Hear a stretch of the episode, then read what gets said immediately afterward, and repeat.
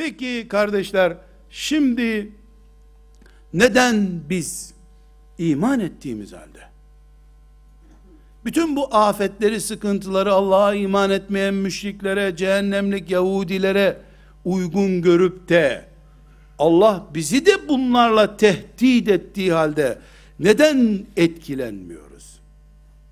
Bir, elhâkumut tekâsürden dolayı. Elhâkumut tekâsür. Hatta zurtumul makabir. Şu kadar mezar gördüğünüz halde diye Allah sözüne başlıyor.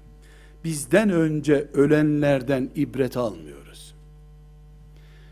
İyi evlat, iyi akraba babasının mezarını taştan, mermerden güzel yaptıran adama deniyor.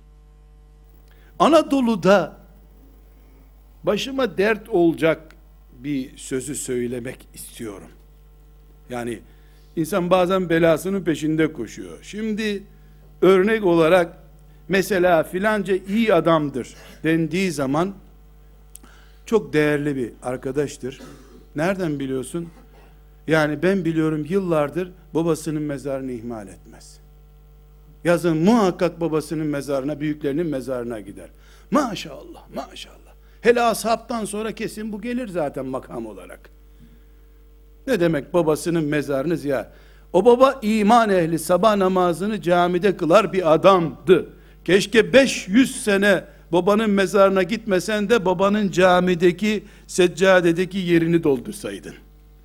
Vefa budur. Baban sana helal, iffetli yemekler yedirmişti. Öküzle beraber kazanmışlar ama sana haram yedirmemişlerdi. Kul hakkıyla seni büyütmemişti Allah. E babasının mezarını ziyaret edermiş.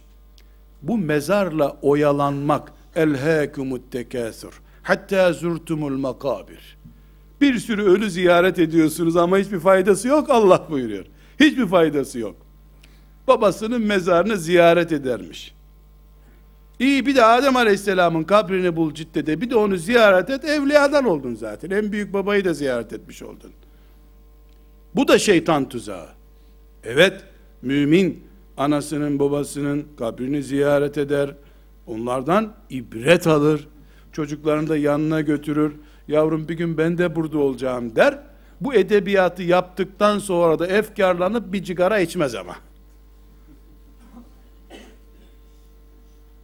Halimizin elhâkumut tekâthur hatta zurtumul makabir halimizin ne olduğunu anlamak için en güzel örnek şu çok cenaze kılınan camilerden birinde bir gün bir cenaze kılalım.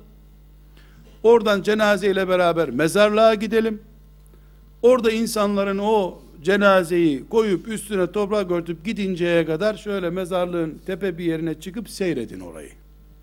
Bakın hiç ahirete giden bir adam yüzde elli cennet yüzde elli cehennem ihtimaliyle oraya gömülen bir adamı gönderme endişesi var mı? Bir bakınız askere çocuğunu, oğlunu, abisini, kardeşini gönderen insanların otokardaki heyecan, endişe, gözyaşları orada var mı? Bir bakınız. Bir senelik bir askerliği karşıladıkları endişeyle insanlar ahirete gönderdikleri çocuklarını karşılıyorlar mı? Bir bakınız. İşte sıkıntı burada.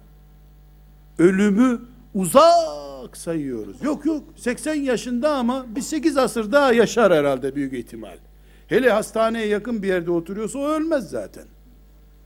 Diye varsayıyoruz. Hepimizin uru hastalığıdır bu. Filanca filancaya bakıp gülmeye gerek yok. Kendimize aynaya bakmamız lazım. Hepimiz bu sıkıntıyı yaşıyoruz. Ölüm bu kadar uzak diyarlarda bir papağan. Ölüm diye bir papağan var. Kıtalar ötesi. Bu sefer ahiret işe yaramıyor. Gaz pedalını bagaja da koymamış, arkaya nazar boncuğu gibi bağlamış. Tampona bağlamış. Ölümden ibret alacağız. Allah Kur'an'ını ölüm uyarılarıyla cehennem uyarılarıyla, cennet umutlarıyla doldurdu. Biz bundan muhakkak ders almamız lazım.